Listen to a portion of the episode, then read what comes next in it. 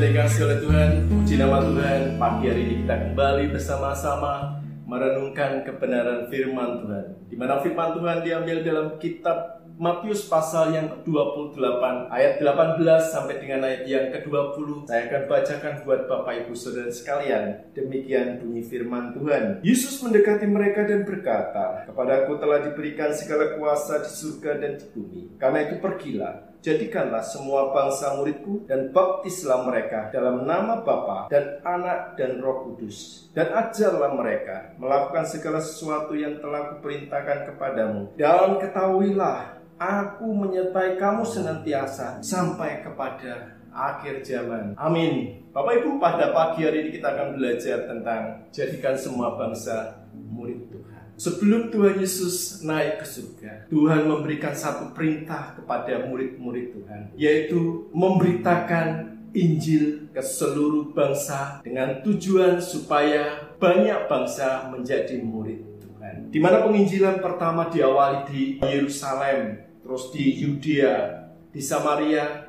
dan di seluruh bangsa. Para rasul ini begitu giat memberitakan Injil. Murid-murid Tuhan ini begitu semangat memberitakan Injil, memberitakan firman Tuhan kepada orang-orang yang belum percaya kepada Tuhan. Dengan satu tujuan supaya mereka boleh menjadi murid Tuhan dan diteruskan oleh hamba-hamba Tuhan yang lainnya, anak-anak Tuhan yang lainnya. Mereka pergi memberitakan Injil ke desa-desa, ke kota-kota, bahkan ke seluruh bangsa-bangsa dengan satu tujuan supaya mereka boleh menjadi murid Tuhan. Bapak Ibu Saudara yang dikasih oleh Tuhan, kita tahu bahwa Allah sangat mengasihi bangsa-bangsa ini. Allah sangat mengasihi dunia ini sehingga Injil perlu diberitakan kepada mereka agar supaya mereka boleh menjadi murid Tuhan. Bapak Ibu Saudara yang dikasih oleh Tuhan, kita dipanggil Tuhan untuk boleh memberitakan kebenaran firman Tuhan, menjadikan bangsa ini menjadi murid Tuhan. Kita dipanggil oleh Tuhan untuk boleh memberitakan firman Tuhan